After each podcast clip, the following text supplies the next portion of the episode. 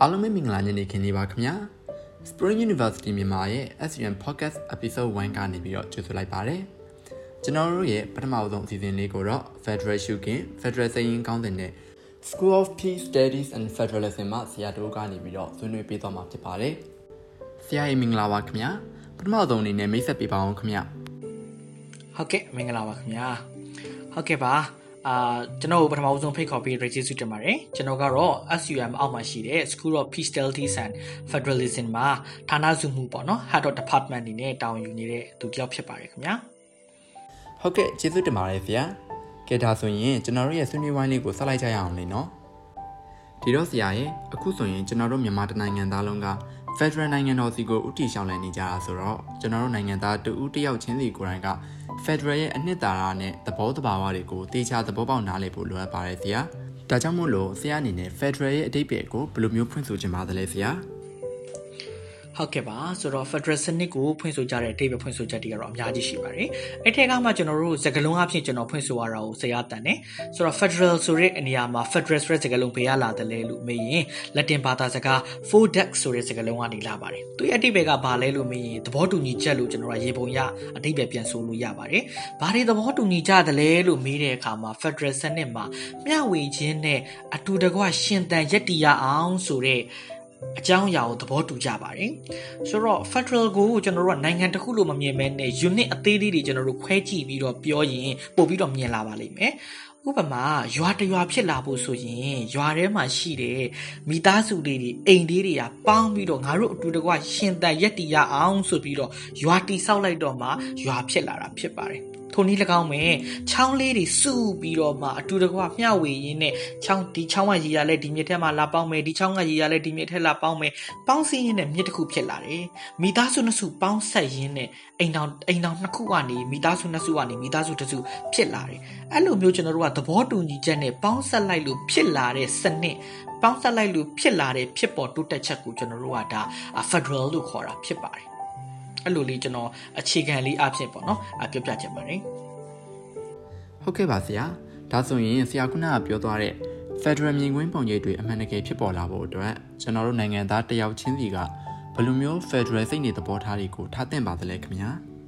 ဟုတ်ကဲ့ပါဆိုတော့ခုနကျွန်တော်တို့အရေးကြီးဆုံးကသဘောတူညီချက်ဖြစ်ပါတယ်ဆိုတော့သဘောတူညီချက်ရဖို့အရေးကြီးဆုံးကဘာလဲလို့မေးရင်သဘောတူကြမဲ့အုပ်စုဝင်တွေဒူတွေရဲ့ဘောဓာဖြစ်ပါတယ်တနည်းအားဖြင့်တော့ Federal စနစ် Federal ရှုခင်း Federal မြင်ကွင်းအတွက်အရေးကြီးဆုံးကတော့ Federal စိတ်သက် Federal စရင်ထားဖို့ဆိုတာအရေးကြီးပါတယ်ဆိုတော့ခုနလူနှစ်ဦးလက်ထက်ကြအရေးကြီးဆုံးဒီအဲ့ဒီနှစ်ဦးရဲ့စိတ်ထားနဲ့စရင်ရအရေးကြီးတယ် ကျေးရွာတွေကျေးရွာတစ်ခုဖြစ်လာဖို့ဆိုရင်သက်ဆိုင်ရာကျေးရွာအုပ်စုထဲမှာရှိတဲ့ကျေးရွာထဲမှာရှိတဲ့မိသားစုတွေရဲ့ပေါင်းဆက်လူစိတ်ကအရေးကြီးတယ်။မြစ်တစ်ခုဖြစ်လာဖို့ဆိုရင်ချောင်းတွေရဲ့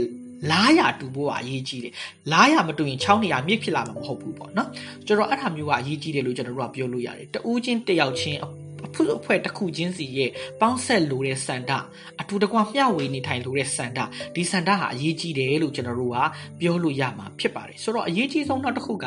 Federal စနစ်ဆိုတာဖြစ်လာတဲ့အခါမှာတန်ဖိုးအဖြစ်ကျွန်တော်တို့ကကြည့်ရင် Federal ဆိုတဲ့ပြည်ထောင်စုကြီးလည်းရှိတယ်လို့အဖွဲ့ဝင်ပြည်နယ်အသီးသီးမှာလည်းသူ့ရဲ့တန်ဖိုးရှိတယ်ဆိုတော့ချောင်းတွေပေါင်းပြီးမြစ်ဖြစ်လာတဲ့အခါမှာမြစ်ဆိုတဲ့တန်ဖိုးတစ်ခုရှိတယ်လို့သက်ဆိုင်ရာချောင်းတွေရဲ့တန်ဖိုးတွေကလည်းရှိနေသေးဖြစ်ပါတယ်ချောင်းတွေကပျောက်ပြီးမြစ်ပဲကျန်ခဲ့တာမျိုးဖြစ်မှာမဟုတ်ဘူးထိုနည်း၎င်းမဲ့ရွာတရွာတိဆောက်တဲ့အခါမှာမိသားစုတွေကပျောက်ပြီးရွာကြီးကြံခဲ့မှာမဟုတ်ဘူးပေါ့နော်မိသားစုတွေလည်းကြံပါလိမ့်မယ်ဒီလိုနှစ်ခုနှစ်ဖက်တန်ဖိုးနှစ်ခုလုံးကြံခဲ့ဖို့လိုပါတယ်ဆိုတော့စိတ်ရင်းပါထားမလဲလို့မဲ့အရေးကြီးဆုံးကလောကပါလာတရား၃ပါးဖြစ်ပါတယ်ဘာတွေလဲလွတ်လပ်မှုတရားမျှတမှုနဲ့တန်းတူညီမျှမှုဖြစ်ပါတယ် လွတ်လပ်မှုမရှိဘူးဒဏ်ညူညီမျှမှုမရှိဘူးတရားမျှတမှုမရှိဘူးဆိုရင်စဉ်းစားကြည့်အောင်အဲ့ရွာကလည်းတာယာအေးချမ်းမှာမဟုတ်ဘူးစီလုံးညီညွတ်မှာမဟုတ်ဘူးနေထိုင်လိုချိတ်စီမှာမဟုတ်ဘူးထိုနည်း၎င်းမဲ့ခုနတရားသုံးပါမရှိရင်နိုင်ငံဆိုတဲ့ပြည်တော်စုကလည်းနေချင်းစပွဲကောင်းမှာမဟုတ်ဘူးပေါ့နော်ဆိုတော့ဒီသုံးပါဒီတရားသုံးပါပေါ့နော်လွတ်လပ်မှုရှိရမယ်တရားမျှတမှုရှိရမယ်ဒဏ်ညူညီမျှမှုရှိရမယ်ဒီတန်မိုးတွေကိုတန်မိုးထားတတ်တဲ့စိတ်ရင်းရှိဖို့လိုအပ်ပါတယ်ဒီလိုစိတ်ရင်းရှိမှသာလေကျွန်တော်တို့ပြည်တော်စုဟာဖတ်တွေရှင်စရာကောင်းတဲ့ဖောက်အုပ်ထုတ်ကတ်တာနဲ့ဖတ်တဲ့ ဖတ်ဒရယ်ပေါ့နော်ဖတ်တွေကြည့်စရာကောင်းတဲ့ဖတ်ဒရယ်စနစ်ဖြစ်လာမယ်တကယ်လို့ဒါခုနတရားသုံးပါစိတ်သုံးသွားမယ်ဆိုရင်တော့ကျွန်တော်တို့သွားမယ်ပြည်ထောင်စုဟာဖယ်ရှားခြင်းစရာကောင်းတဲ့ဖောက်အုပ်ထုတ်ရပ်ပလက်နဲ့ဖယ်တဲ့ဖယ်ဒရယ်စနစ်ဖြစ်လာမှာဖြစ်တယ်လို့ကျွန်တော်ဆွေးနွေးချင်ပါတယ်ဟုတ်ပါတယ်ဆရာဆရာပြောသွားတဲ့အတိုင်းပဲကျွန်တော်တို့အားလုံးကလွတ်လပ်တဲ့တရားမျှတတဲ့တန်းတူညီမျှတဲ့ Federal နိုင်ငံတော်တရက်ကိုဖော်ဆောင်ရမှာပဲဖြစ်ပါတယ်အ ခုလို Federal ရဲ့အတိတ်ပဲကိုလွယ်လွယ်ကူကူသဘောပေါက်နားလည်အောင်ရှင်းပြပေးသွားတဲ့ဆရာကိုလည်းကျေးဇူးအထူးတင်ရှိပါတယ်ခင်ဗျာ